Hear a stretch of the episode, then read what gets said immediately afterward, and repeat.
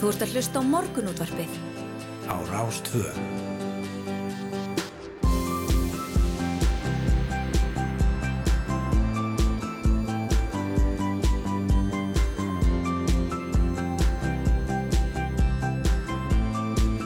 Morgunútvarpið Á Rástvö.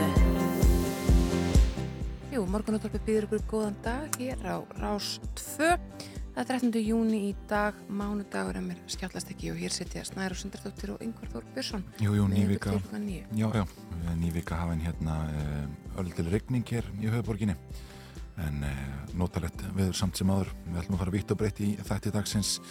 Við ætlum að byrja í Sundhöll Reykjavíkur en minnjavend samþitt á dögunum að inni laug Sundhallarinnar í Reykjavík verði brotið niður og stift upp að nýju.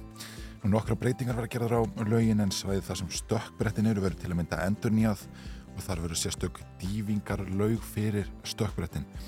Ætlum að þessar framkvæmdi sem eiga að hefjast í vetur við drífu Magnúsdóttur, forstuðumann sundhallarinnar og taka svona almennt stöðun á laugin en, en fjölmur hafa lagt leiði sína þangað í góðviðrinum síðustu dag. Emitt, nú ganga líka í garð síðustu dagar Thingsings, þar til því verður fresta fram á haust. Í lok síðustu viku afgrætti fjárlega nefnd tillegur fjármálaráþara til að sporna við þenslu og verðbólgu. En þar kennir ímissa grasa. Afsláttur á áfengisgaldi í fríhjöfninu verður lækkaður og sérstætt gald lagt á ferðamenn svo fátt eitt sér nefnd. Við fáum til okkur tvö úr fjárlega nefnd til að ræða þessar aðgerðir. Þau Kristrúnu Frostadóttur Þingunum Saflingar og Vilhjálm Árnarsson Þingmann sjálfstæðarsflokksins. Já, og svo samþekti umhverjus og samgöngun nefnd uh, frá sér þriði áfanga ramma áallarnar á fyrstu dag. Samþektin sættir tíðindum en reynd hefur verið að klára þetta mál síðan 2015.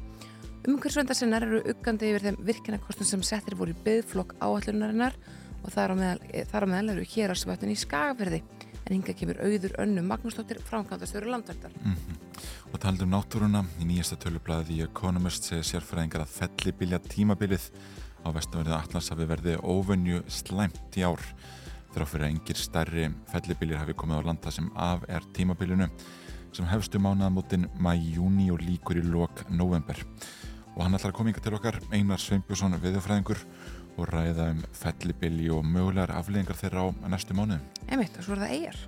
Síðan er eigjar, já. Á fyrsta hundi nýrar bæjastjórnar Vestmanna eiga í síðustu viku var samt þetta að taka upp samtal við stjórnvöldum að kynna físileika á, á gerð jarðgangna e, millir lands og eiga. Emitt. E, við ætlum að ræða þessar hugmyndi við Njál Ragnarsson, hann er bæjarfylltrúi Elistans sem laði fram þessa tilu e, og þetta myndi nú eflaust hérna, einfalda allt skipula í kringum e, vestlunumennhelgina til að mynda, Já, ég til muna. Rétt ímynda með það. Já, Að það myndi, það myndi gera það. þá var spurning hvort þú þurfir e, rektarkortið eins og, eins og í fræga fórsparaðarskettunum til að með að nota gangin.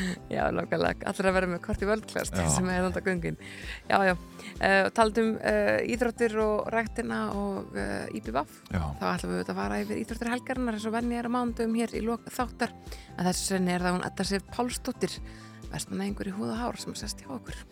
Nákvæmlega, við skulum fara aðeins yfir það sem hefur verið að gerast í nótt og fórsýður plaðsinn sem kom út í morgun, morgunblaðið en e, hér er Lilja Alfriðsdóttir viðskipta á menningamólar á þeirra á fórsýðunni og hún harmar banasli sem varði í reynusfjör á föstudag og telur slísin of mörg maður er heimilt að loka hættulegum svæðum en upp á vantra ákvaða hvernig heimildin er beitt og hún er spurð hérna Vilt þú að það sé hægt að loka ferðamannastöðum að borða reynusfjöru?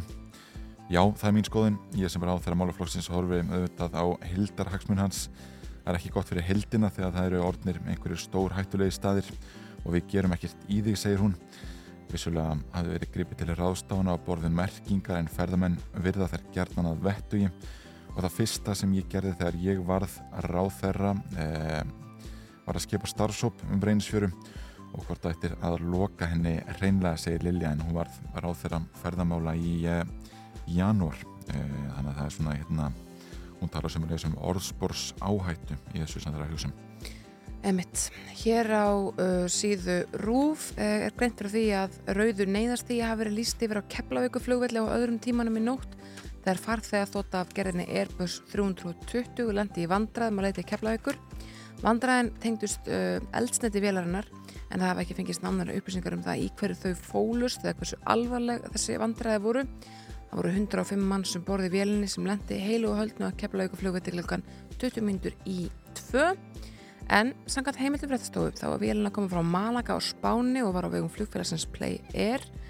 Uh, hann var ekki, ekki beint af flugstöðinu eftir lendingu heldur lagt á svo kvölduðu austurhlaði næri aðtapnarsvæði flugskólans Keilis en það var sem líst yfir rauðu neðisti og vellinu þegar fregnir af þessum vandræðan vélarinnar bárust. Já, Það þýðir að allir viðbrasaðalar voru settir á hæsta viðbúnaða stig það er lögregla slökkulið og fleiri uh, legnar og svo framvis en uh, sem betur verið þá gekk þetta bara alltaf sólu já, nákvæmlega.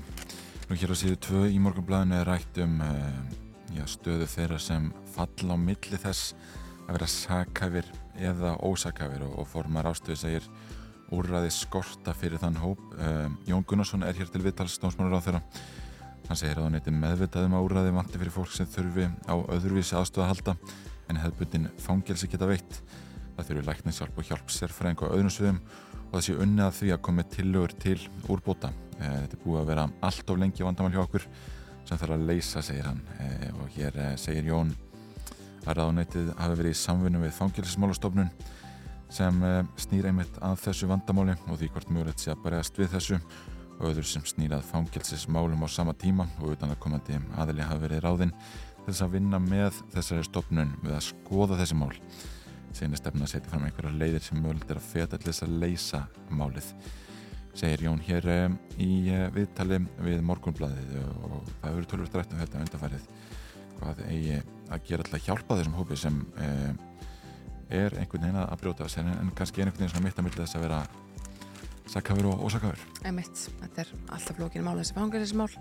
Hér á, uh, á rúfinótt er greint frá því að heimsfaldur COVID-19 hafi leitt til aukinu drikju í Noregi, fjölgunar döðsvallaföldum ofdrykju, en þetta með ráða á gögnum norsku líðhelsustofnarinnar. Í frétt NRK segir að 758 normenn hafi drukkið sér í hel á meðan að COVID-faldurinnum uh, stóði yfir árið 2020-2021. Það eru 158 fleiri heldur en árum tvö þar á undan þegar samtals 650 manns letust vegna afdrykju.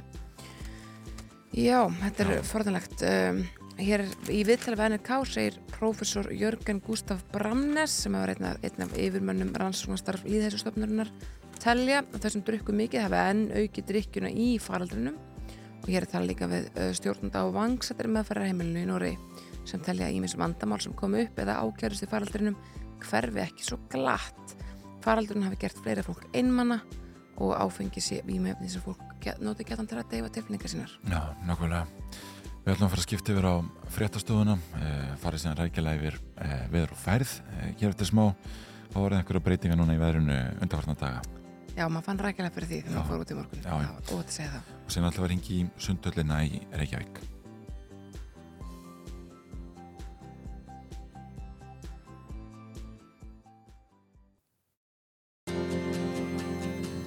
Þú ert að hlusta á morgunútvarpið. á Rástvö.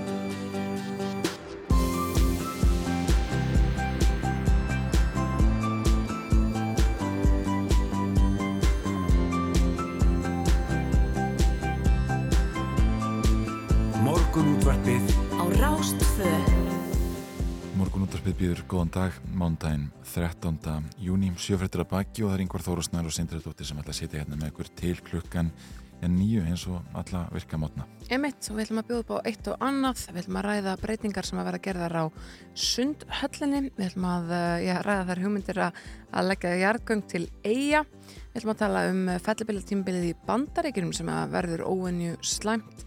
Uh, Svo ætlum við aðeins að fara yfir uh, tillögur, tillögur á alþingi um til að sporna við þenslu og verðbólgu. Við ætlum að ræða rammaállun sem var samþygt uh, úr meðfærum umhverjus samgöngunemndar á föstudag og svo förum við þetta yfir í þettur helgarna með Eddu Sif. Já, já, en réttir að fara fyrst yfir veður og færð um, hér á vef veðurstofunar kemur það fram að í dag verði sunnan og suðaustan 3-10 metrar á sekundum og súlda regning en skíða með köplum og að mestu þurft norðaustan og austalands Nú á uh, morgun og næstu dag verður keimlíkt veður í kortunum segir hér í hulingum veður frængs en uh, já, suðulegar áttir og skúrir sunnan og vestanlands en þurft og jafnvel bjart að norðaustan til.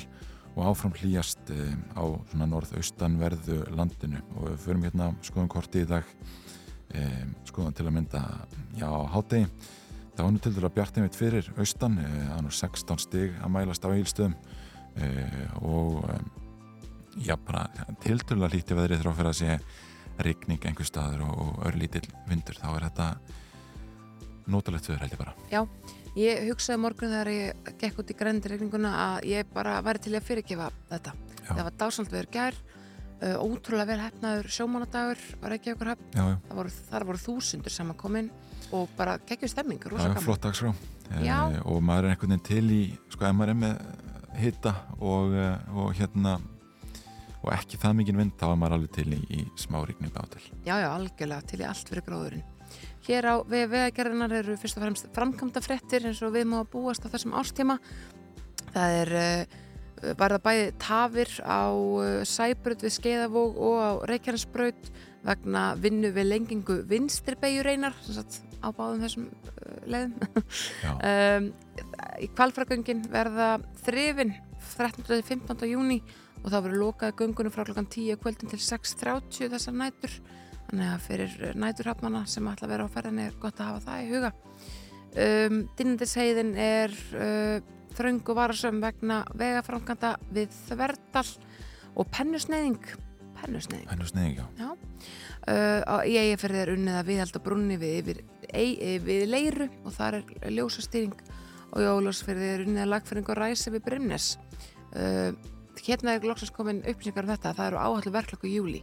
já Ég er búin að aðeins vera tuga yfir því hérna hvernig það er að klára þetta ræsi við mér líður þess að við sem búin að lesa svo oft um það, Já, já, en það er semst eru áhallu verklokk í júli. já, Það er það er góðu tími til að klára. Algjörlega. Júlimánuður. Já, já, já. Herðu, við ætlum að fá uh, fyrsta lagdagsins. Þetta er í skíunum með stjórninni.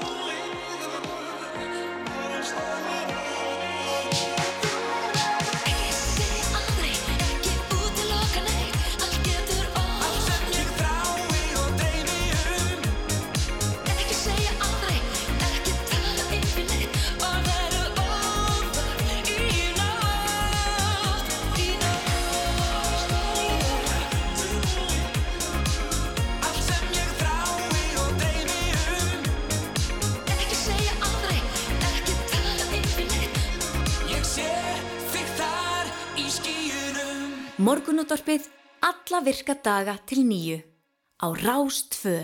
Við erum að skoða hér vefmiðluna Snærós og, og það er hér frétt á vef Vísi sem vakti talsverða aðtikli núna um helgina. Það verið að leita næstu ætlólsjörnu. Já, Ha, einmitt.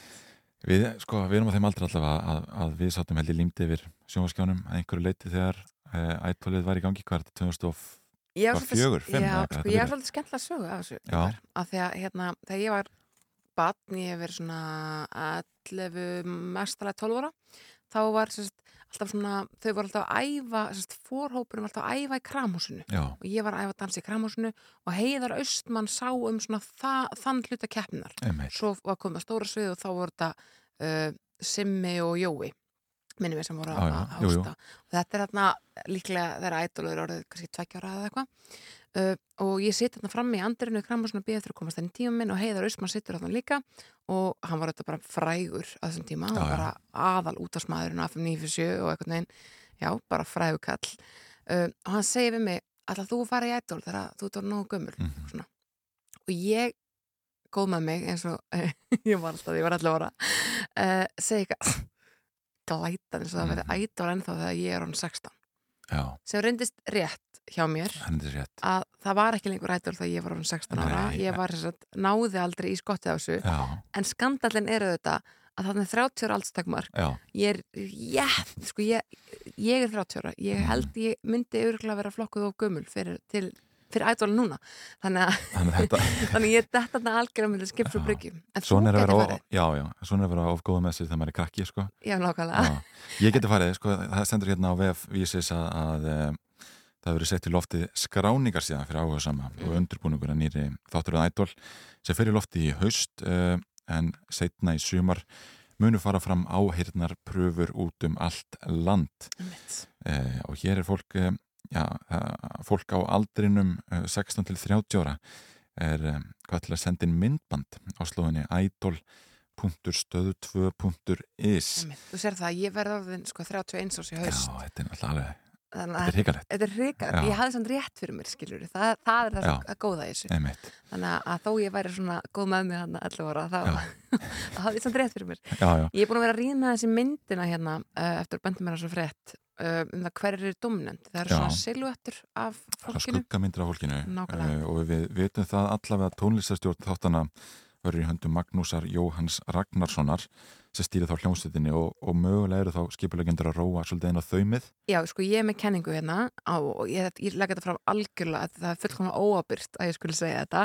Mér sýnist þetta að vera Herran Hendismjör, Átæn Páll Átnarsson, uh, Bríett, uh, Birgitta Högdal og svo er ein mannskjarnar sem gæti verið Flóni eða Logi Petró, ég er Já. bara ekki alveg viss.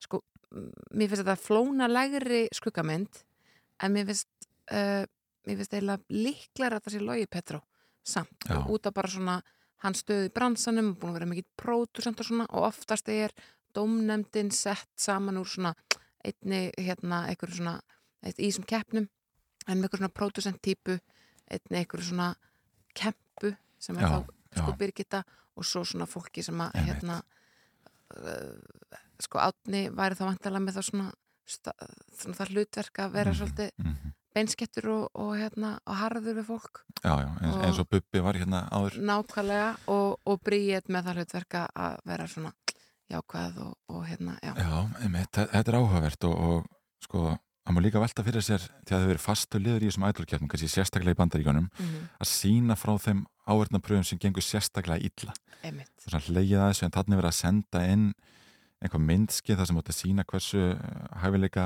rík þú ert fyrirfram Mm þannig að það veri einhverju leiti kannski illa gert að fá þennan fólk sem, sem hérna stendur sér illa þar og, og, og fá það síðan að taka þátt í áverðna fyrir ég veit það ekki en, en þetta er náttúrulega svona hluti af skemmtuninu einhvern veginn að, að finnast fólki mjög misgott Já, það er það og það hafa þetta einhverju orði frægir á því að vera hræðilegir Já, já. í þessum pröfum, í bandarækjurum þar að segja. Uh, við sáum hann hann að, og maður er ekki búin að klippa þetta saman þetta, þetta, er, þekkt, þetta er svona hérna, mest spiluðu klippurnar á, á þessum streymisveitum emitt, og það var alveg hluti af keppninu. Ég held að það sumuleiti kannski einhvern tímann verið svona uh, pínuplatt. já, Það var aðeins verið að bæta í já, til þess að búa til gott sjónvarp. og síðan nú annað samfélag uh, í dag en var 2003-04 uh, og spurning hversu vinsalt þetta er þið núna. Einmitt, það er rétt. Það er svona minni, minni þólumæði fyrir niðurlæðingu. Já. Við ætlum að fá eitt lag og heyrum síðan í Sundhöllin í Reykjavík.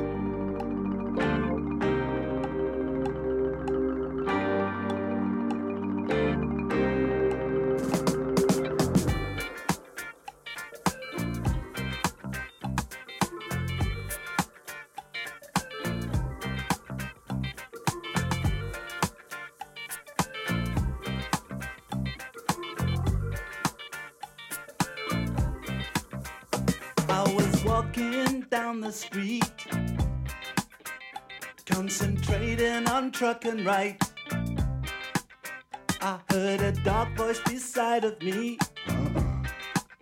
and I looked round in a state of fright. I saw four faces, one man, a brother from the gutter.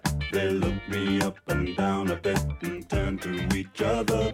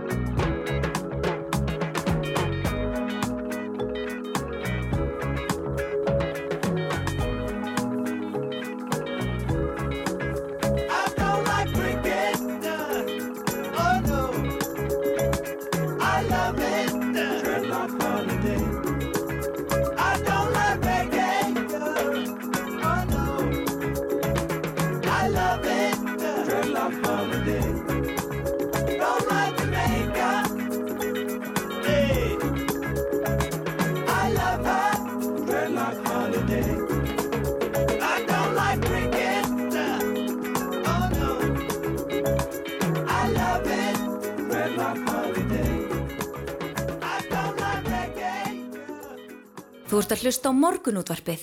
á Rástvö. Jú, jú, eh, morgunúttarpið heldur hér áfram og eh, einhver líklega núna á leiðin í morgun sundið en eh, minnjavend samþitt á dögunum að innilög sundhallarinnar í Reykjavík verið broti niður og stift upp að nýju og eh, nokkra breytinga verið að gera á lauginni en svæði þar sem stökkbrettin eru eh, verið til að mynda eh, endur nýjað og Drífa Magnúsdóttir, fórstuðumæður sundhallarinnar er komin á línuna, góðan daginn Já, góðan daginn. Sko, hvaða breytingar á nákvæmlega að gera? Við byrjum þar. Ég er kannski bara fyrst og fremst að endin í að laugar keri sjálf sem er orðið hérna ansið þreytt og, og fernast úrbóta þannig að það er svona aðalega það sem á að gera að hérna brjóta upp kerið og steipa upp nýtt með nýjum, flýsum og allt slíkt. Mm. Það er svona aðmálið. Já, þá nú talað um það í morgunblæðinu um helgina að þetta að ég búið til sérstaklega dývingar laug fyrir stökkbrettin. Eh, hvernig virkað það? Það er kannski bara eins og lögin er í dag, er, hún er tvískipt, þú veist, það er stærri uh, lög og svo minni lög í endan og það er svona, er einhverjar hérna vangaveltur um það að skiptinni þá út, skiptinni í tvent nema að hafa þá dýfingarlegina sér og svo er þá restin orðin hérna lög, en þetta er svo sem ekki alveg endilega hérna staðfest enn sem komið er, sko. Já, að þá, þá, þá ekki komið lengra. að færa raun og veru veggin uh, í hina áttina hafa dýftina þar og þannig að það setja synda óáreittur á þess að, að fá þessi hoppandi börn Akkurát, og þá Já. geta hoppandi börnin verið að hoppa meira, þá er Já, já. kannski, þú veist, hérna svegilega opnum tími á því okkur svona, það var svona það sem okkur langaði til að reyna að ná gegn með þessu en, en hérna, Sundhöllin er þetta sögufært hús sem var vigð 1937 og Guðjón Samúlsson sem að teiknaði þessa byggingu. Sko er hún friðuð? Var þetta vesen? Uh, hún er ekki árun 100 ára gömul. hún er fríð, já en þetta er kannski bent, ekki, ekki bent vesinn þetta, nei endilega er þetta ekki þetta er ekki svona mikil útlýsleg breyting og bara nánast ekki, já, ekki nein en þetta er náttúrulega eitthvað sem þarf að gera ef við ætlum að hafa sundlu að ná fram þá þarf eitthvað að gera þannig að hérna, þá að húsnæði sé fríða þá verður að halda því við Já, já. og hérna, já, já. En minnjavend Þetta hefur, var- hefur alveg samþitt að fara í þessar breytingar. já. Já, akkurat. En, en hvað tekur núna við, sko, hvenar á að ráðast í þessar framkvæmdir og, og hvað gerir þér á fyrir að þetta takja langan tíma? Það verður ráðist í þetta bara í lók árs, verður, verður byrjað á þessu og ég, ég berekna með þetta taki allavega ár, Mm býst ég við, Já. er svona reikna með. Og þá þarf fólk að synda úti á meðan eða hvað? Þá erum við bara með þessa dásanlegu útilög og, og pottana á sölunum og, og pottana úti þannig að við höldum áfram að, að hérna, bjóða fólki sund en það var bara eini lögin sem verður aflókuð á meðan. Einmitt. Sko hversu vinsal hefur innilögin verið síðan að útilögin opnaði? Það er að segja svona, fyrir þau sem að er að synda taka nokkur hundur metra á, á dag. Hún er náttúrulega alltaf mjög vinsal hún er, náttúrulega rosalega mikið nótið. Hún er skólasundleg, þannig eru skólanum með skólasund alla daga, alla virka daga fyrir hátdegi og, og eitthvað fram eftir degi. Og svo eru hérna sundfélagin með sundæfingar setnipartin og svo er náttúrulega stökkbrytin alveg gríðara vinsal og svo er mjög mikið af fólki sem kemur þá sérstaklega þessi sem koma til þess að synda einmitt eitthvað meira heldur en svo 25 metra. Þeir, það er mjög vinsalt að synda í innilegin Já, en um leið og, og hérna sólinn lætur sjá sig og, og hérna og veðrið er gott og þá er úti laun alltaf mjög vinsæl og hún er það líka svo sem sko en Já. pottin er úti og laun mjög vinsæl og líka þá fyrir að skóla sundi færist út. Já það verður svona eitthvað að einhverju leiti mun það gerast já Einmitt. Það hefur verið gott viður undanfarið, það hefur alltaf verið mikið að gera hjá Já. okkur. Já það er búið að vera nóg að gera hjá okkur ferðamenninum komnir aftur og, og mikið líf og fjör sko bara já, já. mjög gaman. Já, og, og ferðamennir, þeir vita af, af sundhöllinni þarna og, og sækjana mikið. Já, já, ferðmenn eru dullega að sækja sundlegaðnir yfir höfuð sko og sundullin alltaf bara náttúrulega vel staðsett upp á það að gera þannig að við fáum, fáum hérna vel af þeim skamti og það er bara mjög gaman og það getur oft verið, oft verið mikið hérna húsið er svo, svona pínu flóki sko, þú veist, Mhm. það er svona konundan sem fara í nýja klefanum koma út úr klefanum á útilegarsvæðinu og svo fara kallarnir í gamla klefanum koma út úr klefanum í, í innileginu þannig að það verður oft svona fyrir þá sem ekki hafa komið í sundhildin áður verður þetta oft heilmikil útskýring að sjá hvað, hvaða leið þú ert að fara og hvað það kemur út og, og svo þurfir fólk að hitta hvort annað ekstra ljósaðinu þannig að þetta er Voru það eitthvað leiti mistök við hönnun ný, ný, nýju sundhallarinnar? Nei, nei, það held ég nú ekki. Nei. Það var Þetta bara nýja húsið er þannig staðsett að þú er þetta að byggja nýtt hús og hafa samt sama, hérna, það verður alltaf að vera einhver, einhver breytingar því, sko, þannig að ég held ég nú ekki. Nei. Það var stefnin í gott sumar í sundhöllinni. Já, er það ekki, verður þetta ekki bara sólusumar í allt sumar. Við vonum það allavega Já. að drífa Magnúsdóttir fórstuðum að sundhallarinnar í Reykjavík. Takk fyrir að vera á línni hjá okkur. Takk sem leis.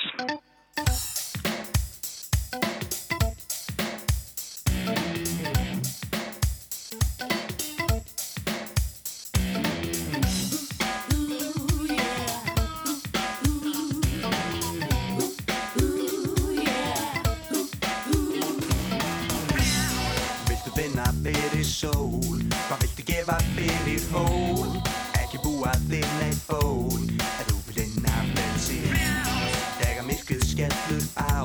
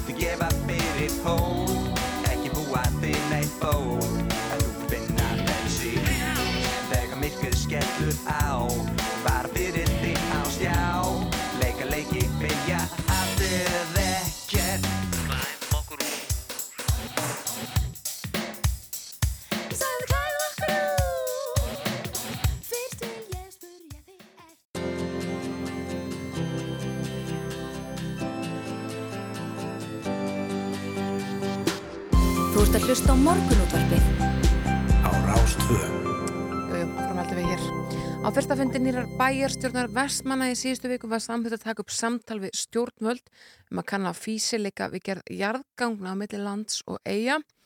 Þetta er auðvitað hugmyndir sem hafa svo sem skoðið upp úr kollunum öðru kvoru á undanfærstum áratugum en hann er komin á línunni hjá okkur Njál Ragnarsson bæjarfylltrúi Elistan sem hann lagði fram þessa tillögu. Góðan daginn Njál, Góðan daginn, komið þið sæl. er það áttan þreyttir að Harjálfi? Nei, ég held að það sé ekki alveg þreytt kannski á herjólu en, en jú, sko staðan er svo að eins og ég svo sem saði á 50 daginn var í bæjarstjórna að þá er náttúrulega á vetur, yfir vetratíman þá er náttúrulega alltaf sá tími þegar að það eru frátafir á siglingum út af vondu veðri og, og siglinga til landegi hafnar uh, ganga brösulega oft á tíðum og við höfum þá gripið í varahöfnuna sem er þólasöld og uh, þetta er svona kannski svolítið bagalegt fyrir okkur. Og á sumrin þá, þá kemur upp svona svipað kannski vandamál sem er að, að þá koma bygglistarnir og þannig að mikið um að vera í Vestmannum alltaf á sumrin, það eru tvö stór fótboltamót fyrir krakkana og svo er góðsloka hátíð og, og svo þjóðhátíð og þá svona komast færri að en vilja í herjólf. Mm Þannig að, að við erum kannski ekki alveg þreytt á Herjólfi, hann hefur þjónað okkur afskaplega vel en, en við teljum að þetta sé eitthvað sem við þurfum að skoða. Já, akkurat, það er stundu verið rætt um þessa leið en hefur þetta aldrei verið skoðað til lítar? E, það var farið, sko áður en að landið kom til að þá vorum, var verið að tala um þetta svona, já kannski að einhverju alvöru en, en eftir að, að farið að, að hérna, koma landið hérna á koppina þá svona kannski sopnuði þessar hugmyndir svolítið og, og hérna við sáum náttúrulega fram á það og, og það er alveg þannig að eftir að landauðhöfn opnaði að þá hefur orðið algjör bylting í, í bæði fjölda ferðamanna til Vestmanni og bara fæindum við það að sigla upp á fastalandið hérna. Mhm. Þannig að það kannski svona, þetta lagðist kannski aðeins á hliðina þegar að, eða lagðist aðeins í, til dvala þegar að landauðhöfn opnaði og við fengum þá miklu samgöngubót og svo náttúrulega kom nýr herjólfur fyrir ekki lungu síðan og, og þá náttúrulega bætti ennþá betur um bæði komist fleiri að í skipið og, og hérna og, og siglingin var bara betri hvort sem það sýtti til landi að þólasofna, segi ég þannig að við höfum náttúrulega fengið mikla samgöngu bætur og undanfjöldum árum en, en einhver síður að þá, þá held ég að þessi komin upp tímapunktu til þess að klára þær rannsóknir sem að voru hafnar á sínum tíma á jarlögum á milli lands og eiga Mhm. þannig að við getum þá fengið úr því skori hvort að sé hægt að fara í yfir höfuðu að fara í, í að gera göng hér á milli. Hvað er styrsti punkturinn á milli lands og eiga uh, langur? Eh, Stiðsti punkturinn er kannski ekki sá það, hérna, svo leið sem að yrði farin. Það er verið að tala um og ég hef hýrt að þessi verið að tala um að fara með göngin upp að krossi í landegum Já, og ég held að það séu um 18 kílómetrar ef með skjáttlast ekki og, og hérna þegar það var verið að skoða þetta á sínum tíma þá var svo sem sagt lína tekin að, að fara upp að krossi sem er ekki stiðsta leiðin en, en er kannski svona miða við þá jarfræðinga sem að töluðu á sínum tíma þá held ég að það verið þannig að þeir hafi talið að það væri skynsanlegast að fara og skoða þáleið. já, akkurat. En, en hvað myndi þetta kosta? Ha- Er þið með einhverja áallanur í það og, og hvernig hafa stjórnvöld hingatildeki í þessar hugmyndir ykkar? Sko nú er, hef, hef- hefur ekki mikið verið rætt við stjórnvöld um jarðgöng og, og hérna það var nú svona tillagan sem, sem ég laði fram á 50 daginn var að hún snýri að því að við myndum hefja svona spjalli við stjórnvöld um að byrja á því að klára þessar rannsóknir á jarðlögum og í framhaldinu komi í ljós þar að, að þetta sé gerlegt yfir höfuð að þá þurfum við náttúrulega að fara í það að reikna út sko bæði hvað þetta kostar og, og hver ekstra kostnaður er við á, á svona framkvæmt og í, í jarðgöngum og líka á móti hver er við þessi samfélagslegi ábati og, og þjóðfagslegur ávinningur af því að, gera mellir lands og eiga.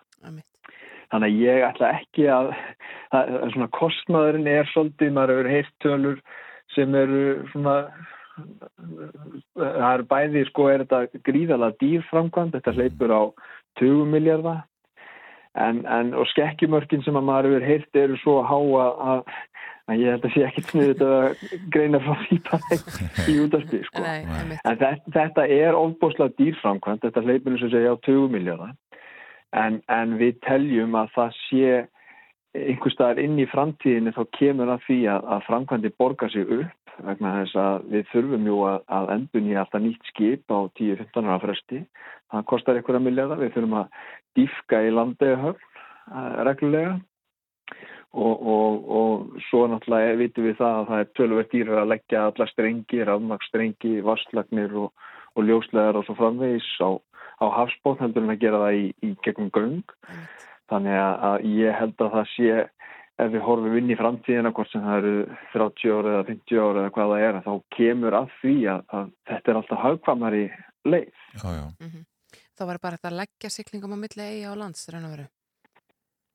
Já, ef, ef að við Bara getum kert á milli Já, já, algjörlega ef, ef það er hægt að keira á milli að, að, þá sé maður það alveg fyrir sér og, Já, já. og hérna og, og eins og ég segi þetta, þetta er óbúslega dýrt en, en við þurfum að byrja og við viljum opna á þetta samtal um það að, að hérna, sjá hvort þetta sé gerlegt í fyrsta lagi og, og ef þetta er gerlegt þá, þá getum við reiknað út hvort að, hvort að þetta borgir sig. Já, já. Þið samþýttu þarna á fundinum í síðustu viku að taka upp samtal við stjórnvöld. Hvað tekur núna við næstu vikur og mánuði?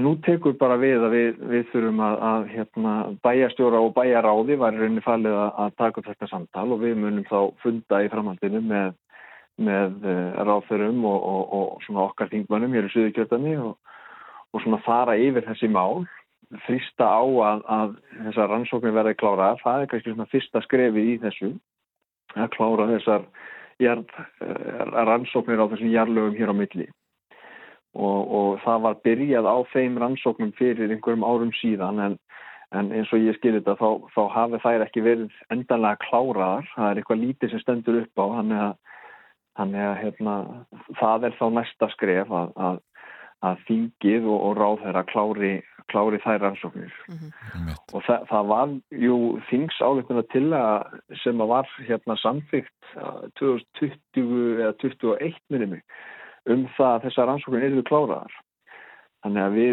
við vitum það að þetta er eins og við sögum hér upp að þetta er reglulega í umbræðinni en, en nú viljum við setja svolítið púður í það að, að svona klára dæmið svolítið Já, akkurat. Njátt Ragnarsson bæjarföldur og Elistans í eigum. Takk fyrir að vera á línni hjá okkur í morgunúndarpinu. bara takk fyrir mig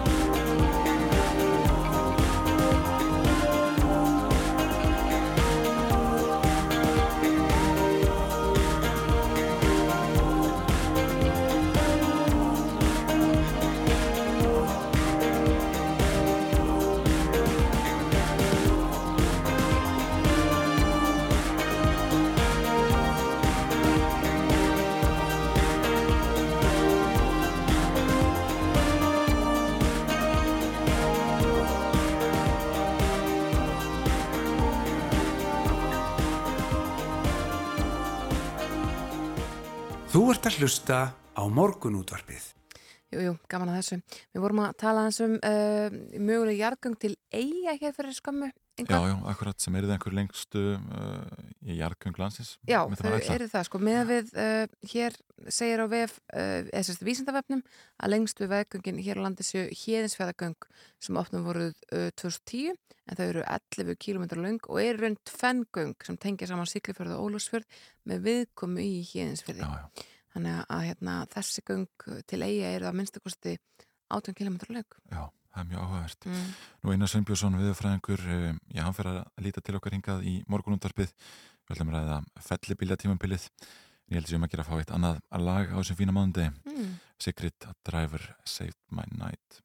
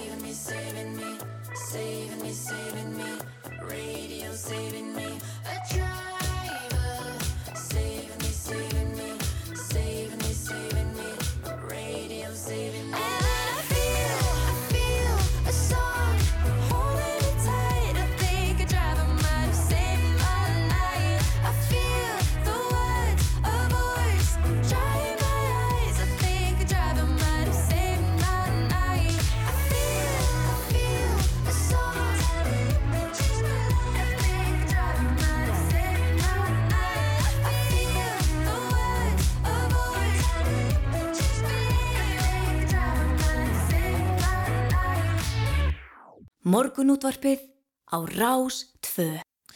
Jú, jú, morgunúttarpið heldur hér áfram en í nýjasta tölvublaðið í Economist segja sérfræðingar að fellibilja tímabilið á vestanverðu um Allansafi verði ofunnu slæmt í ár þrátt fyrir að engir stærri fellibiljir hafi komið á land það sem af er tímabilinu sem hefstu mánaðamótin mæ júni og líkur í lok november. Nú Einar Sveinbjörnsson viðurfræðingur er hinga komin, góðan daginn. Já, góðan dag. Sko, verður þetta einstaklega slemt í ár?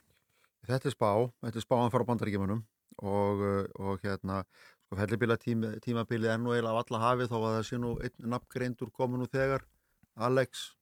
Og, og hérna, hann, svona, hann þvældi synga norður, norður eftir og, og svona hjálpaði upp á myndunlæðar eða dýfkunlæðar sem að var svona allir leiðinda veðri hérna Mhm. breytnansegum og hver staðis var á hann hérna fyrsta, það allt, var alltaf völdum Alex.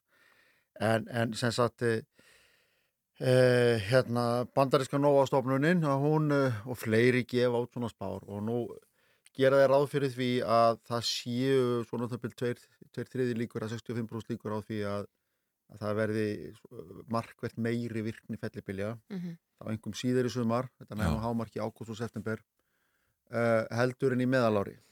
Og þá verðum við að hafa í huga að, að hérna árið fyrra var mjög virt að þessu leitinu til og það eru það eru nokkri þættir sem að íta undir myndun hitabeltistorma og sem að síðan aftur verða af öfl- öflugum fellibiljum og það er fyrst og fremst er það yfirborðshittin í sjónum þannig að söðu frá hann verður að ná ákveðinu þröskuldi og, og ákveðnum hitta á stóru svæði til þess að, að e, það færi síðan mikill kraftur.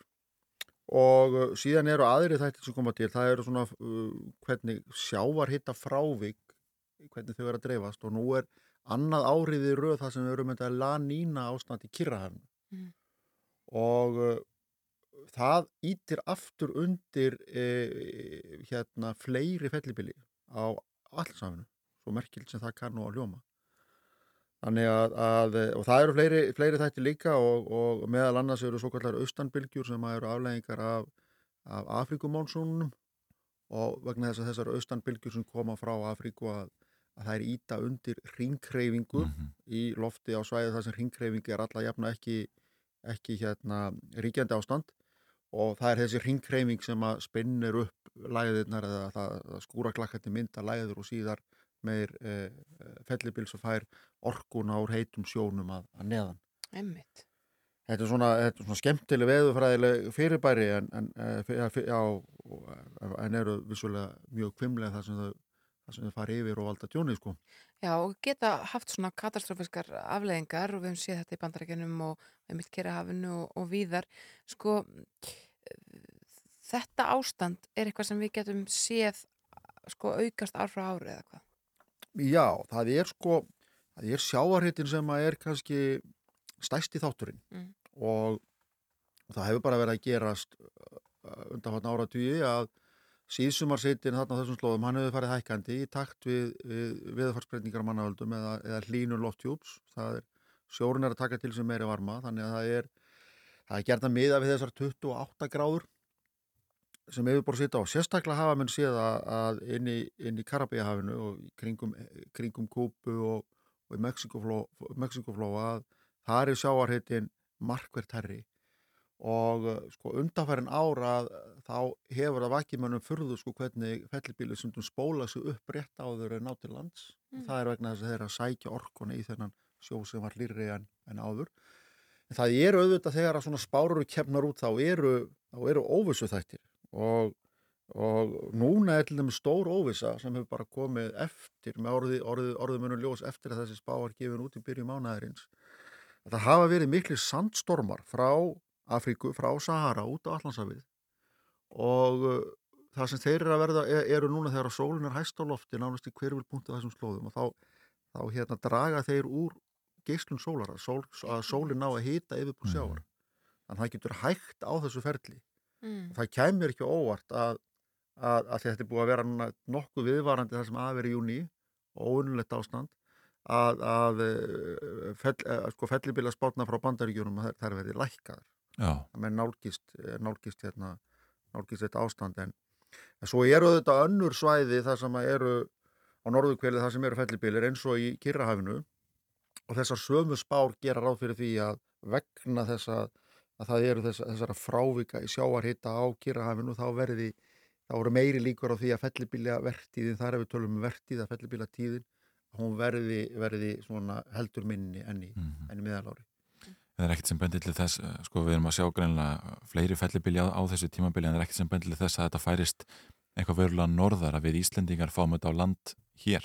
Nei, í Í meira sjálfu, mæli. í, nei, í sjálfu sér ekki sko, en hefðu þetta eftir því sem að þessi 28 gráð jafnitalína eftir því sem að hún fær meira umfang og berst norðar á allansafið, þeim en líklega er að hittapeltistofan og fellibilir haldi styrk sínum lengra norður á allansafið og, og hérna og öflugasti fellibilurinn í fyrra sem var að fjórða styrk, sem hafa kallað SAM, hann fór aldrei inn á land en hann allir miklu tjóni á Bermudegjum en hann held styrk sínum ótrúlega norðarlega hérna norður á allansafið En við höfum fyrir því ágættir heimildir að, að fellibilir, þeir svona leifarnar þeim hérna norður frá geta spólað upp mjög djúpar læðir á haustinn og við höfum svona fjögur, fimm tilvík síðustu hundra árið þar sem það hefur gerst hér við land og, og, og hérna úr hefur orðið mjög kröftur hauststormur með, Mhm. með hérna og meðal hans með manntjóni Já. hér á árum áður.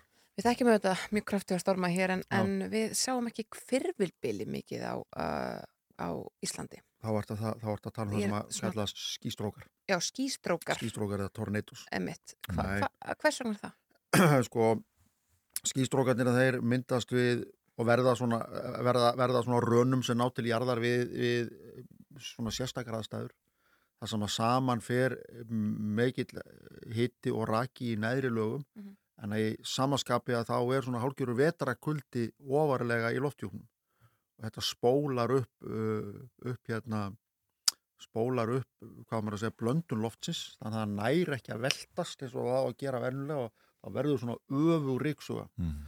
og þetta gerist helst auðvitað þó við sjáum stundum svona rana víðar, en þetta gerist helst á meilundunum eins og í Mississippi dalum í Bandaríkjónum og þar fyrir austan eh, á þeim tíma sem að sko, hlýja og raka sumarloftið er að koma inn frá Mexikoflóðunum en það er ennþá vetrakult í hálóttunum frá Kanada. Mm. þannig að, að þessar aðstæður eru einna helst í, í mæ þryggja, fjóra eitthvað tímabili mæ en, en vissulega höfum við dæmi um, um, um mannskeiða skýstróka líka í Evrópu og það er jáfnvel um mitt sumar það sem að hérna og menn eru svona, menn eru að horfa til þess að það geti líka verið einhver hlínuna þáttur, meiri hitt og meiri raki lægri, loft, læ- lægri loftlögum sem þetta skapi yfir, yfir hásumarið Fellibila tímabili hefur já, fær talsvert rým í bandarískum fjölmjölum. Er, eru bandaríkjumenn betur í stakk búin núna að bregðast við þegar það koma stóri fellibilur á land en voru áður? þeir eru ábyggilega sko, Katarínan í 2005 kendi þeim ákveðna leksi og þeir tóku bara svona almannavarnir í gegn hjá sér hvað það varðar og það er í bandaríkjónum að við, sko, það eru stærstu rýmingar sem við vitum af nema ef, ef að kannski Japan er undan skilið sem að fara í gang það eru miljónir manna sem eru fluttar uh, með valdbóði af einhverjum strandsvæðum sko. Mhm. En hins vegar hafa bandaríkjumenn, eru band, allar bandaríkjumenn aldrei að læra þeir byggja e- eftir sem áður í fjörunni sko. Mm og húsin fari vegna flóða eða storma þá, er, þá, er, þá, þá rýsar byggð jafnharðan á, á, á, á nýjan leik vir, vir, vir, virðist vera. En auðvitað eru menn auðvitað eru menn alltaf að læra og þeir skinja þessa ógn og, og, og sko Norður-Ameríku búar að þeir gera sér held ég alveg grein fyrir því að, að þetta er ein af afleiðingum hlínunar jarðar sko, að, að það er Einmitt. ekki endilega aukinn tíðnifellibili að þeir verða sterkari og öfluri. Við komumst ekki lengri í þetta skiptið. Einar Sveinbjörnsson viðfrængur, takk fyrir að kíkja til okkar í morgunúndarpið og við förum að fá áttafréttir. Já, og svo komum við að vera með spori og ræðum tillögur ríkstjórnarinn um þenslu og verðbólku. Þú ert að hlusta á morgunútvarpið á Rástvö.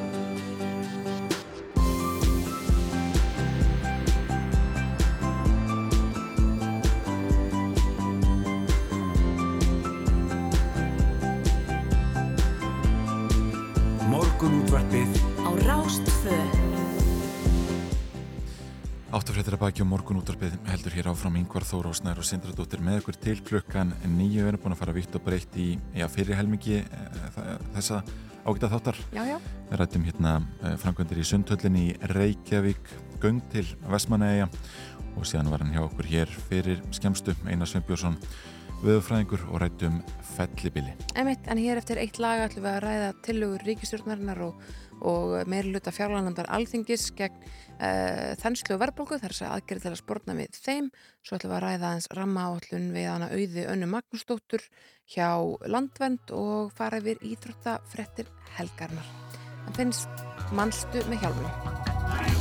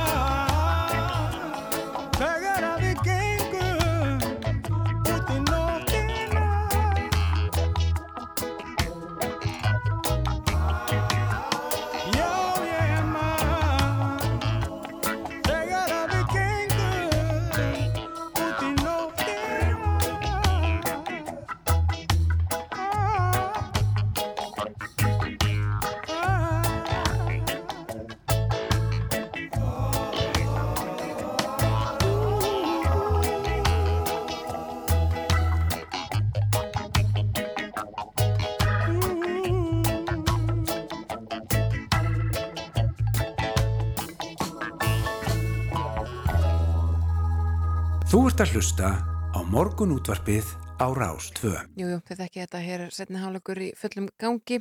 Snæður og Sindardóttir og Yngvar Þór Björnsson með ykkur til hlukan nýju. En nú gangagar síðustu dagar alþingis þar til því verið fresta fram á haust.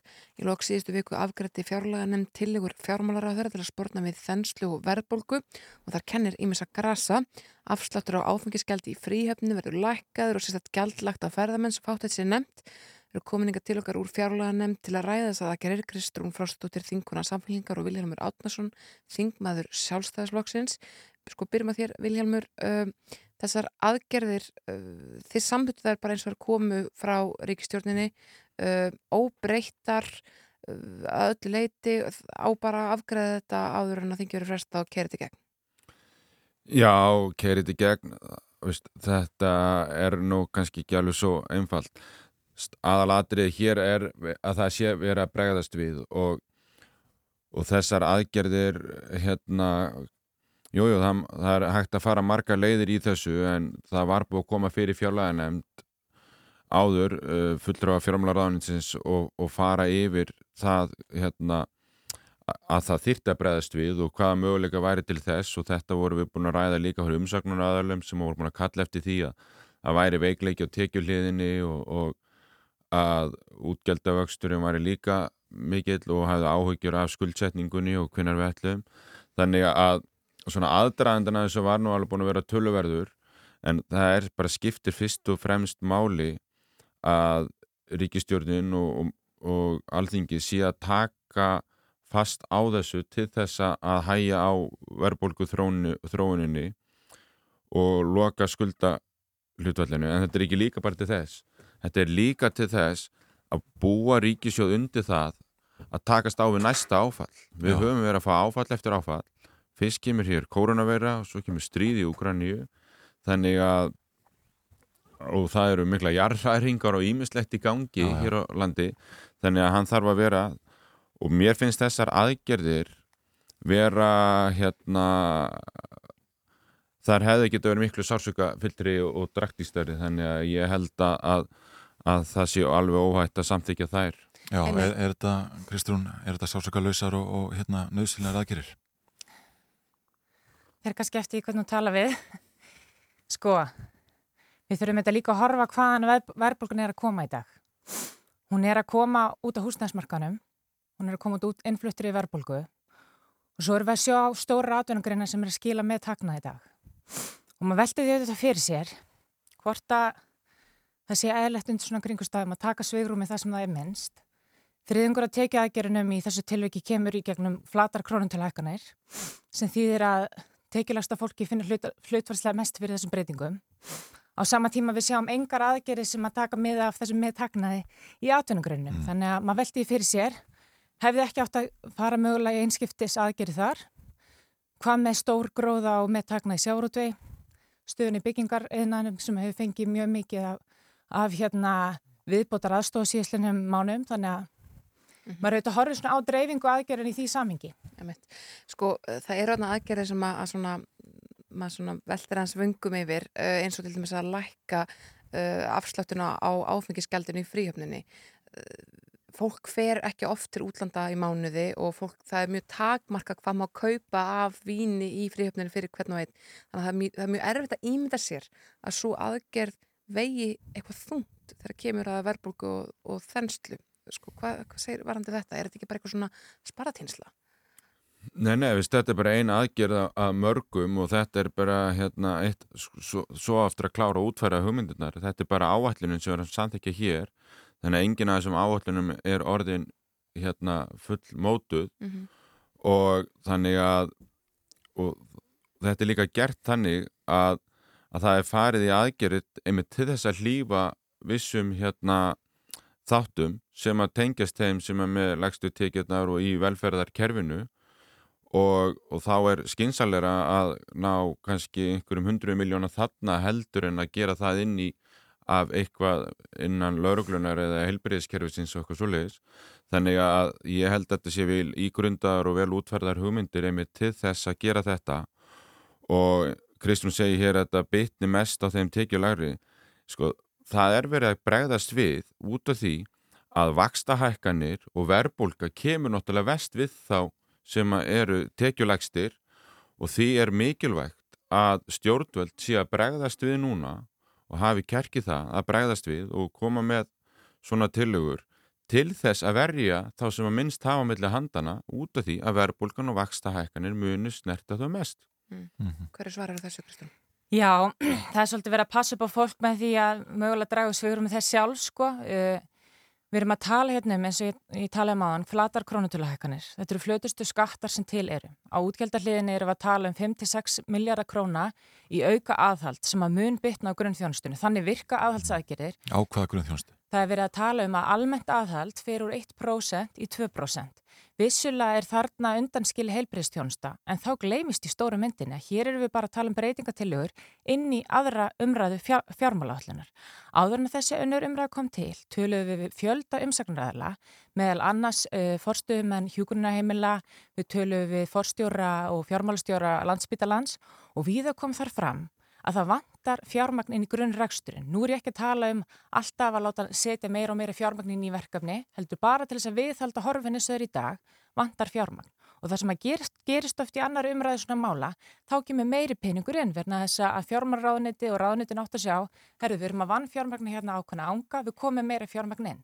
Í staðin í breytingatilögum sjáum við bara þessar aðhaldsækjurir, það kemur ekkert á móti inn í hjúkunarheimilin, það kemur ekkert að máti inn í landsbytalan.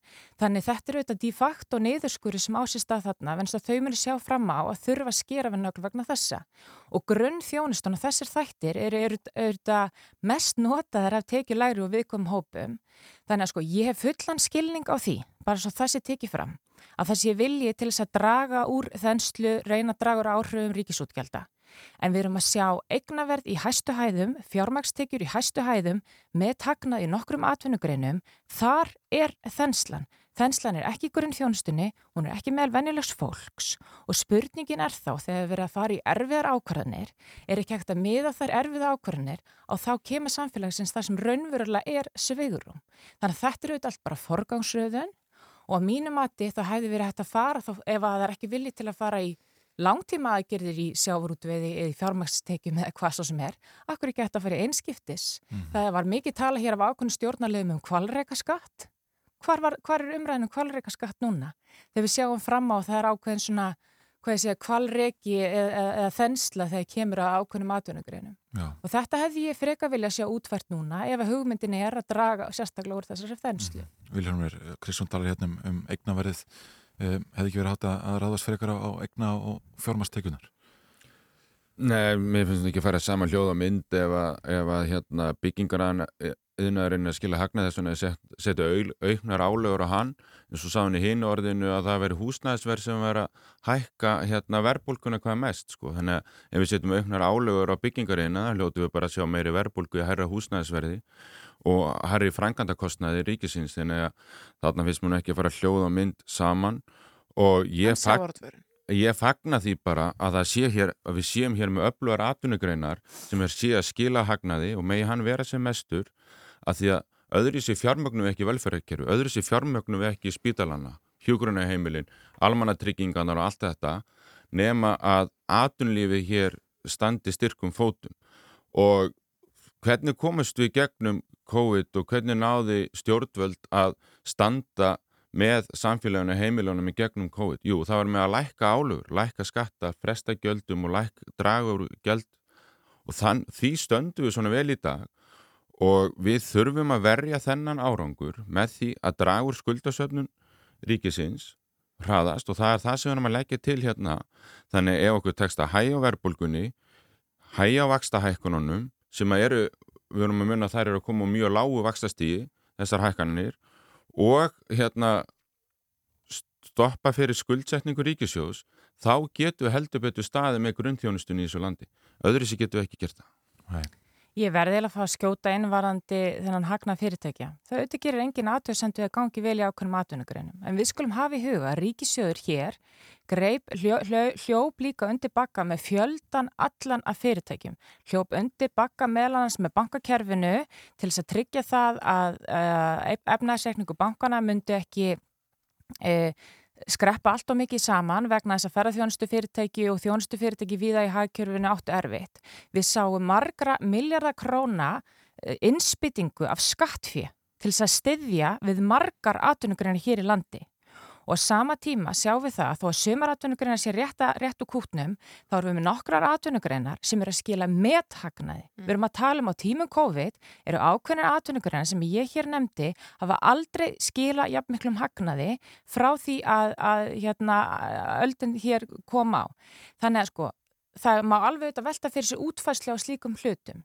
En við þurfum þetta að hafa í huga að það, þetta eru þarna atvinnugreinar, það eru einstaklingar sem hafa notið verulega góðs að aðgera stjórnvalda. Egnamarkar í dag er í hæstu hæðum meðal annars vegna aðgera stjórnvalda, Mhm. vegna vakstalækana, vegna þess að fólk var kvart til að skuldsetta sig fyrir húsnæði, þá áttu að örfa hægri gegnum egnamarkaði. Nú erum við að sjá afleðingar af því.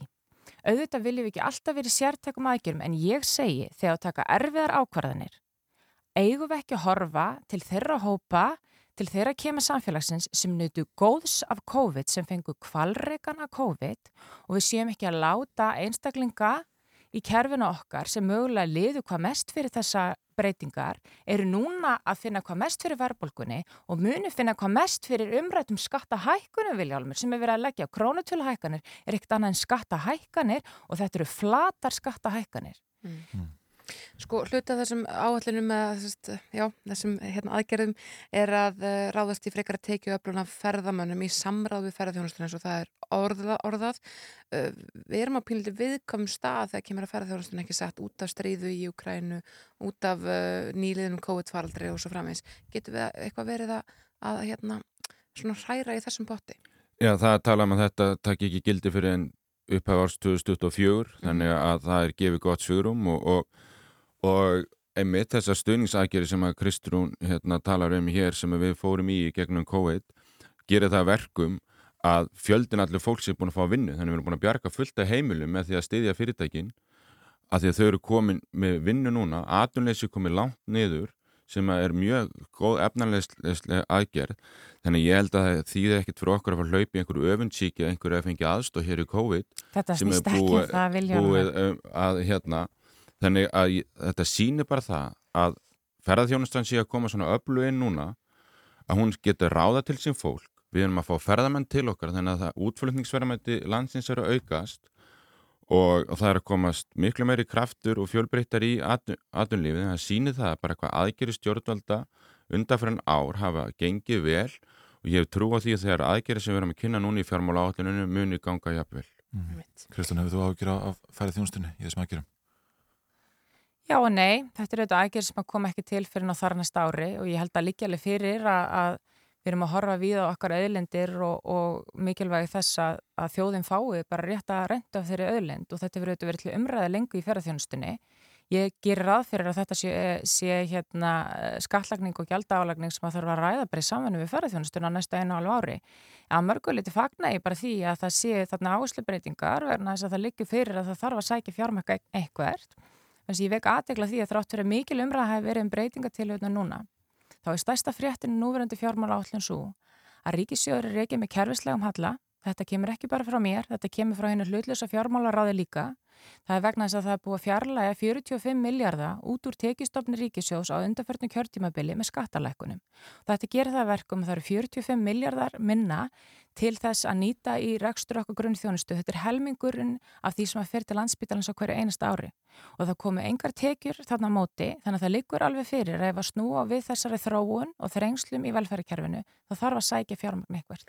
Kristrún Frostóttir, þingkona samfélgingar og Viljámur Átnarsson, þingmaður sjálfstæðarflokks. Takk kærlega fyrir komuna í morgunáttarpið. Takk, Takk fyrir okkur.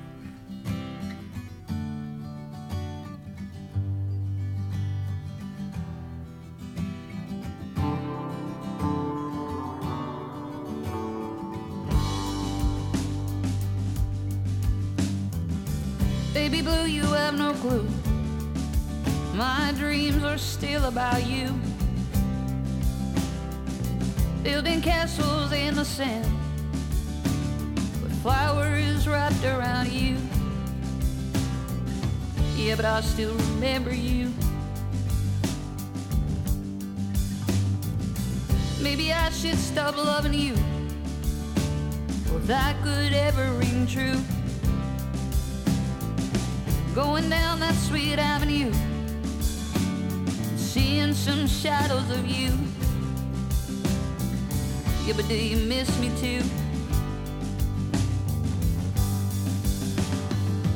Take me back to the morning light where our love shone so bright. Where the story brings me back to you, where I can still hold you, where I could even make love to you. I still remember your crazy jacket, surrounded by polka dots too. Playing records, they were all dancing. Yeah, but they were all jealous of you. Yeah, but you were with me too. Take me back to the morning light. There our love shone so bright. There the story brings me back to you. Where I can still hold you. Where I could even make love to you. But hold on, king and queens. All the stars will fall on you.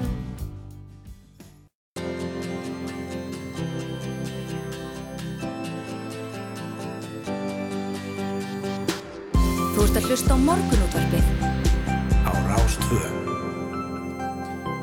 Jú, jú, morgunútvarpið heldur hér áfram að loknu frétta yfirliti en uh, umhverjus og samgöngur nefnd alþingi samþeyti frá sér þriðja áfanga ramma áallunar á fössudaginn og samþeytin sætir einhverjum tíðundum en reyndu verið að klára þetta máli að síðan 2013, 2015 eitthvað svo leiðis en umhverjusvenda sínar eru uggandi yfir þeim virkjanakostum sem settir voru í byggflokk áallunarinnar Hingaði komin auður Anna Magnúsadóttir, eh, frangvættisur landvendar, góðan daginn. Góðan dag. Sko hvernig, já, blasir þetta við ykkur? Já, þetta er, uh, þetta eru stór tíðindi eins og segir.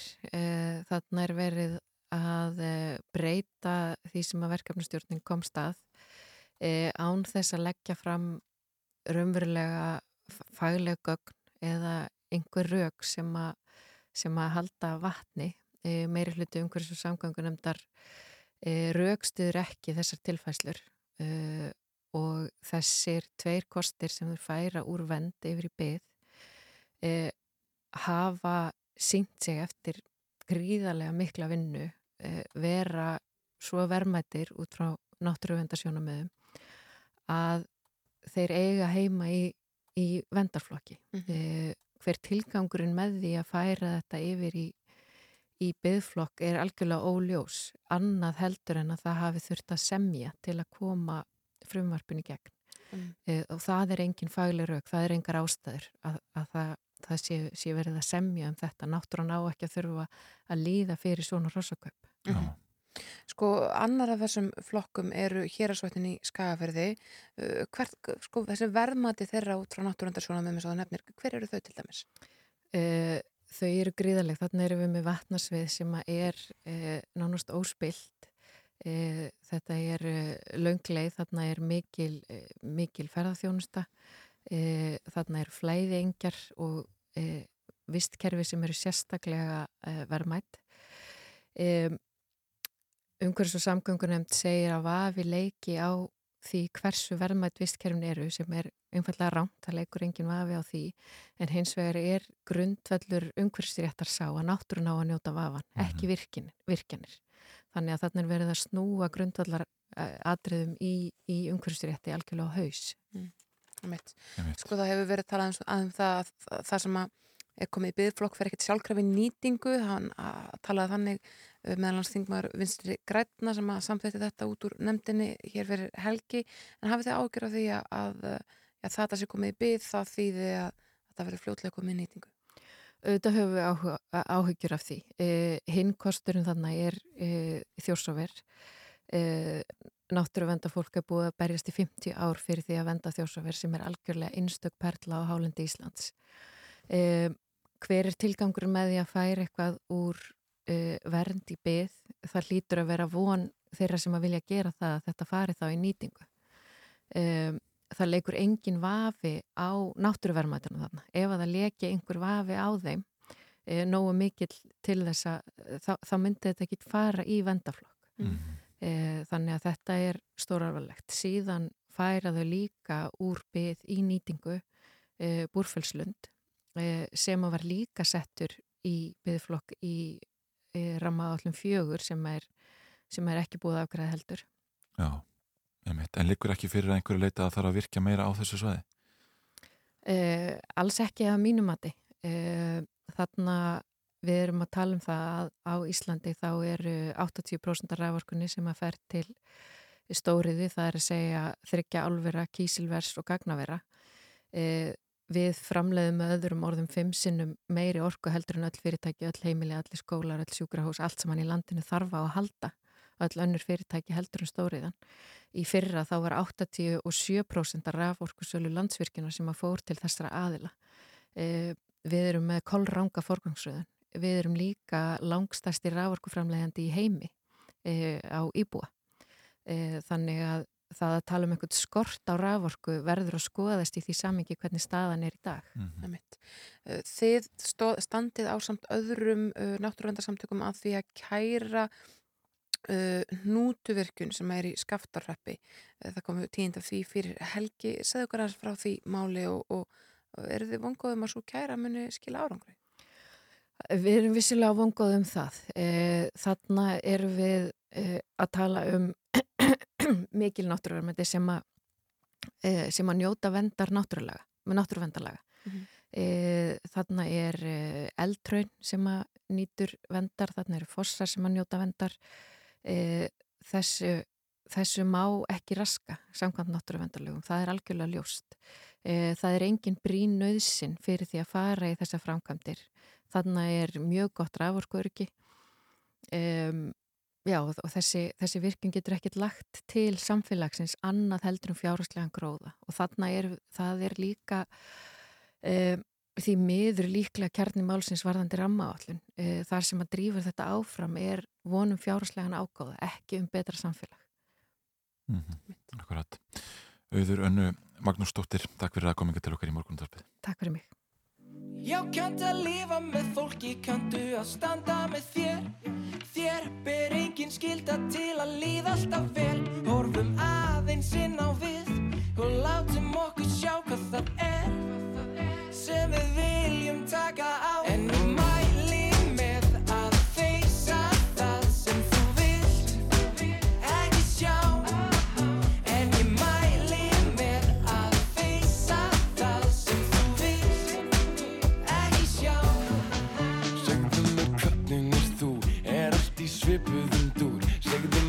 fyrir nú, er allt er í unum hnút? Steinum eld ég og þú, og skýt með rest ég og nú. Mamma veit best hvað veist þú, og hvað er næst, hvað er nú? Mann ekki eins og hafi gerst í gæ Þegar ég þorði lóks að koma næ Mann ekki eins og hafi gerst í gæ Þegar ég þorði lóks að koma næ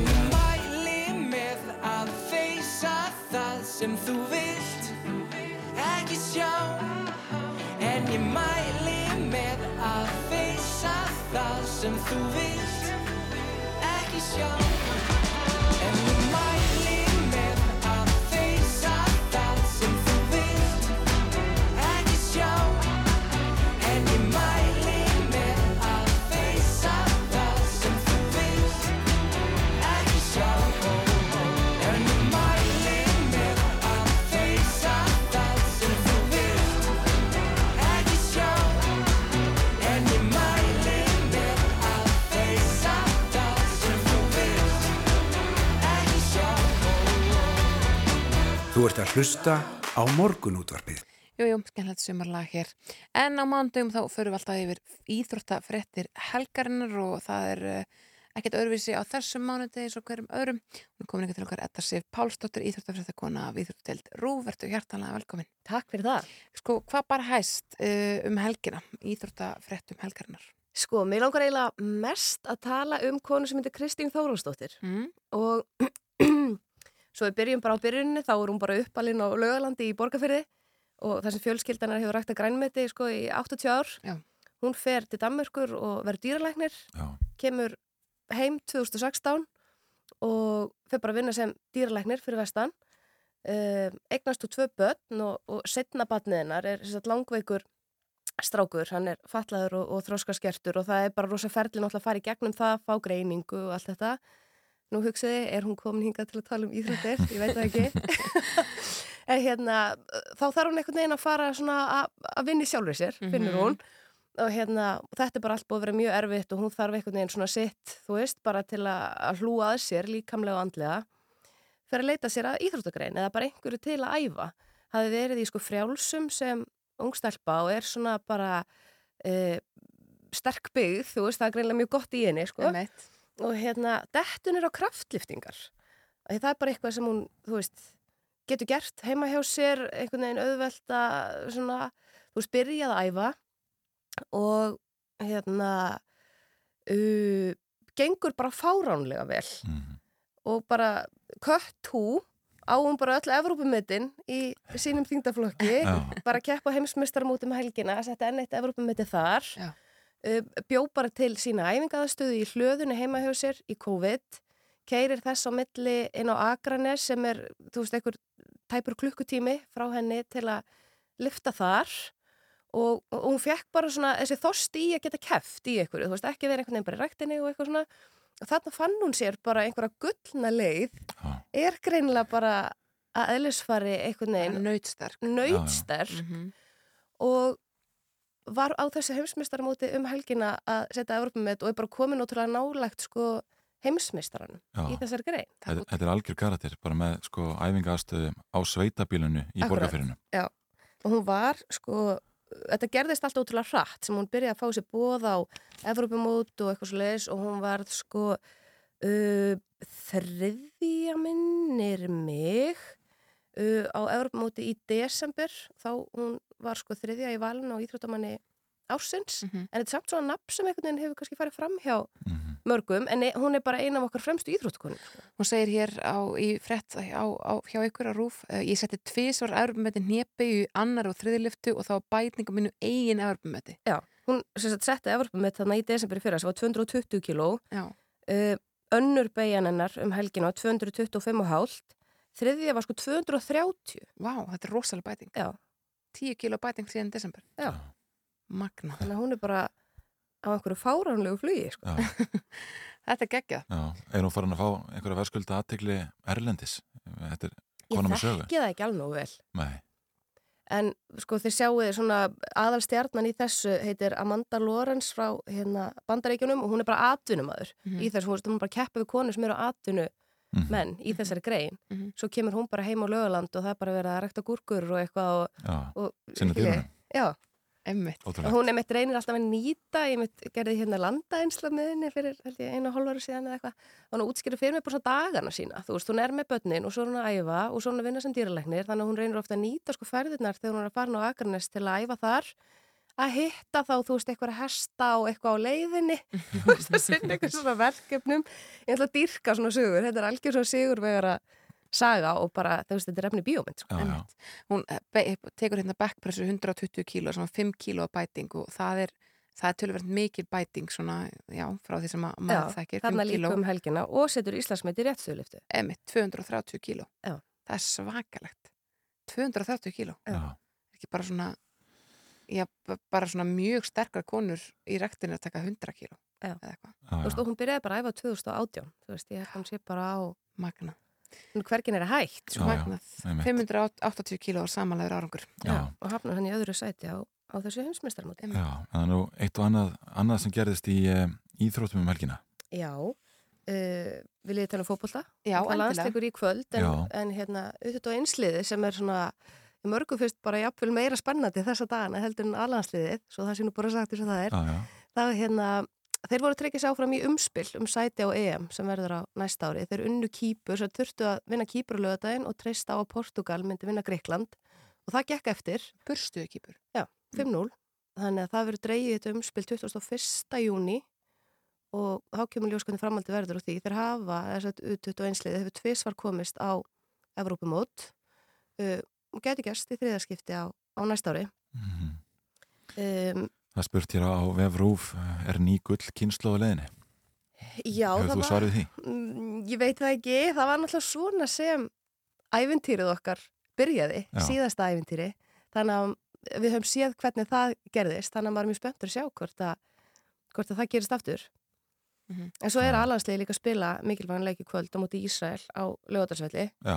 Ísrael er komið á, á topp þessar riðils okkar í þjóðadildinni og Ísland verður eiginlega að vinna til eiga mögulega á að vinna hennar riðil Það er mjög neikvað umræði kringum aðlandsliði okkar. Já. Það er ótt að segja það. Já. Kringum þjálfaran, í kringum liðið og svo framvegs. Já. Sko, það er ekki eitthvað að taka þarna til bara til þess að svona fólk, til þess að peppa stafninguna. Svo fólk sé til að mæta og, nein, já. Það er svona, ég veit ekki hvernig ég á að svara svo Nei. spurningu. Æ, við erum En margar það er- áhyggjur af þessu. Já, það er mjög margt þarna sem virðist einhvern veginn ekki vera mjög svona gleðilegt. Nei.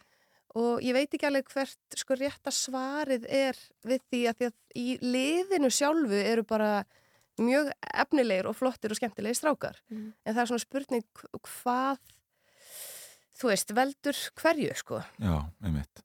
Sérna alltaf verið umræðan það núna að, að leikmennir séu of mikið að leika sér á æfingum Já, ég... í einhverju skólaleikjum og, og einhver svona sko. Skólaleiki, hvað er það? Stórfiskaleik? Já, er er það ekki bara ekki? Dimmalim og... Dimmalim? Já, þetta er það en ég meina, er það ekki alltaf þannig? Það er náttúrulega ekki verið að sína eitthvað vídeo af einhverjum taktískum hlutum, sko. Ég held að þetta hafi nú bara verið svona til gaman skert. En, en svo líka kannski hefur bara einhvern veginn andin og mórallin breyst. Þú veist, þetta var kannski meira svona einhvern veginn hart út á við, Já. þú veist. Og Kannski var það líka það sem kom einhverjum í koll, skilur Þetta er kannski bara ný kynslu af strákum sem að þú er alveg að sína að þeir séu bara eitthvað líka leika sér. Veist, ég En er ekki fallin spýta bara fullkom, fullkomin til þess að laga móralina? Jú, svo er það. Já. Eða gott eða...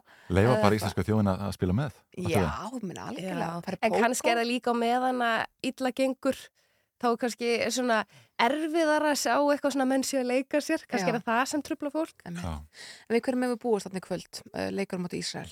Sko við gerum 22 jafntefli við á úti þannig í, í síðustu viku og í þessum, þessum glugga erum við búin að gera tvö jafntefli í þjóðadeildinni og vinna San Marino mjög ósannfærandi Mhm. San Marino sem er lélegasta landslið í, í heimi þannig að það fengu að svona að vara eins og óþægilegt að sjá þann leik um, það, fólk var ánægt samt með þennan leik, sko 22 jafntöflið úti og auðvitað ættu við þá bara að vinna, held ég. Já. í kvöld sko. Já, já. Ég held að með alveg segja það en svo er alltaf eitthvað. Alltaf nýbúið að leifa uh, bjórsölu Já, á, í, það er allt Laugardalnum. núna. Algjörlega, það, muni, það voru auka þúsund með þessum seldust þegar það var ljóst hérna, já, já. Uh, síðast sko, heldur það að verði fullt á vellinum í kvöld? Nei. Nei. Það var held ég búið að selja 2000 miða síðast þegar ég vissi. En sko, svo skil ég alveg KSI sem er að segja bara komið með krakkan ykkar sem er að fótbolta og allt þetta. En uh, aftur á móti er mjög dýrt inn á völlin. Þú veist, það kostar ennþá jafn mikið að fara núna og kostar að fara á stórleik fyrir fimm árum síðan eða hvað sem það var. Hvað kostar völlin? Fimm og níu og sjö og níu. Já. Þannig að þú veist að fara með fjóra, þú veist, þetta er ekkert smá... Þetta er fjárfesting. Þetta er smá fjárfesting, sko. Já, já. Og maður skilur alveg að fólk sé kannski ekki að flikkjast eða fylgjast á völlin þá, Þú veist, þetta er undir mik- þessum kringumstæðum sko. Kaupa svo bjór og þetta er bara orðið bara 30 skona pakki. Smá pakki. Já, Einmitt. en þetta er mikilvæga leikur Þetta er mikilvægur leikur nefnilega. Já, En svo er þessi þjóðadelt alltaf líka daldi förðulega, þannig að það er alltaf pínu erfitt að setja í samingi. já, já, einmitt. Einmitt, já, já, en svo voru stelpunar okkar uh, sem fara á EM, þær voru líka kynntar um helgin? Jú. Eitthvað spennandi þar? Þorstein Haldursson var að kynna EM-hópin og nú er að styttast svo hressilega í þetta. Við byrjuðum með, með uppbyturum hætti á, á föstudaginn, förum á EM og, og fyrsti leikurinn okkar 10. júli. Um, nei, í rauninni ekkert sem var svona einhvern veginn stakk í stúf. Ég held að Hlín Eiríksdóttir er kannski svo sem að maður ímynda sér að sé eitthvað svektust að hafa ekki komist í hópin. Mhm. um, en annars var þetta svona nokkuð, nokkuð borlegjandi sko. Já, við vitum bara að við erum að eru, við erum með stóra vendinga til Klótisa Perlu, Sifa Alladóttur Já, það eru þrjár sem er að fara sko á sitt fjórða EM. Emmitt, Björk Jensen. Sandra Sigurðardóttir. Já, þetta eru stóru nöfnum, þetta eru stelpur sem eru frábærir leikmenn. Já, Sveindís alveg brjálæðslega spennandi leikmaður sko þannig að maður einhvern veginn leifir sér alltaf að vona. Við erum í svona dáltið erfiðum riðli sko þetta er Belgia, Ítalja og Frakland en við, við samt ættum að geta komist upp úr honum. Þannig að við erum að verða brjálæðslega spennandi Er- er og verða þetta- Evrópumeistarar. Og verða Evrópumeistarar. En þetta er einhvers konar döðrið eða eitthvað? Mætti segja það? ekki kannski Nei. en þetta er svona, þú veist, Ítalja er dálítið svona, við vitum ekki. Nei. þú veist, það eru búin að vera á rosa uppleið. Þannig að það gæti orðið trikkileikur frakkar eru náttúrulega sko, mjög sterkur mótiri þannig að við höfum alveg afsakanar ef þetta gengur illa. En við erum samt með það stertlið að við ættum líka að geta. Já, já, skiljið, þannig að þetta er svona maður þurfi ekki alveg að segja. Við gerum okkar besta. Heldur betur, já, algjörlega. einmitt. Þetta sé Pálsdóttir, takk kærlega fyrir að fara yfir íþjóðafrættir helgarinnar með okkur. Við komumst ekki lengri í dag. Nei, það er nokkuð ljóst, Eh, búin að fara vítt og breytt í þessum þætti dagsins rættum eh, ramma áallun, við rættum eh, já, það er tilög sem liggja fyrir í fjárlega nefnd og voru afgrættar af, af fjármálar ráðferðalla spórna við þenslu og verðbólgu. Við rættum um fellibílatímabilið jarðgöng til eiga Já, og um, já, stöðuna á sundhöllinni Reykjavík, það var aðast í framkvæmtir þar í vetur. Já, þá leggja jarðgöng úr sundulinu Reykjavík til vestmanni það væri náttúrulega langt best Já. Nei, nei, það er þetta að hlusta allt okkar efni á vefnum eftir skam og stund, hefur búin að ganga frá þættinum og svo má alltaf senda okkur tölupost á morgunútvarpið at rúf.is eða í gegnum Facebook arsíður ásart 2. Já, en við þökkum fyrir samfélgina í dag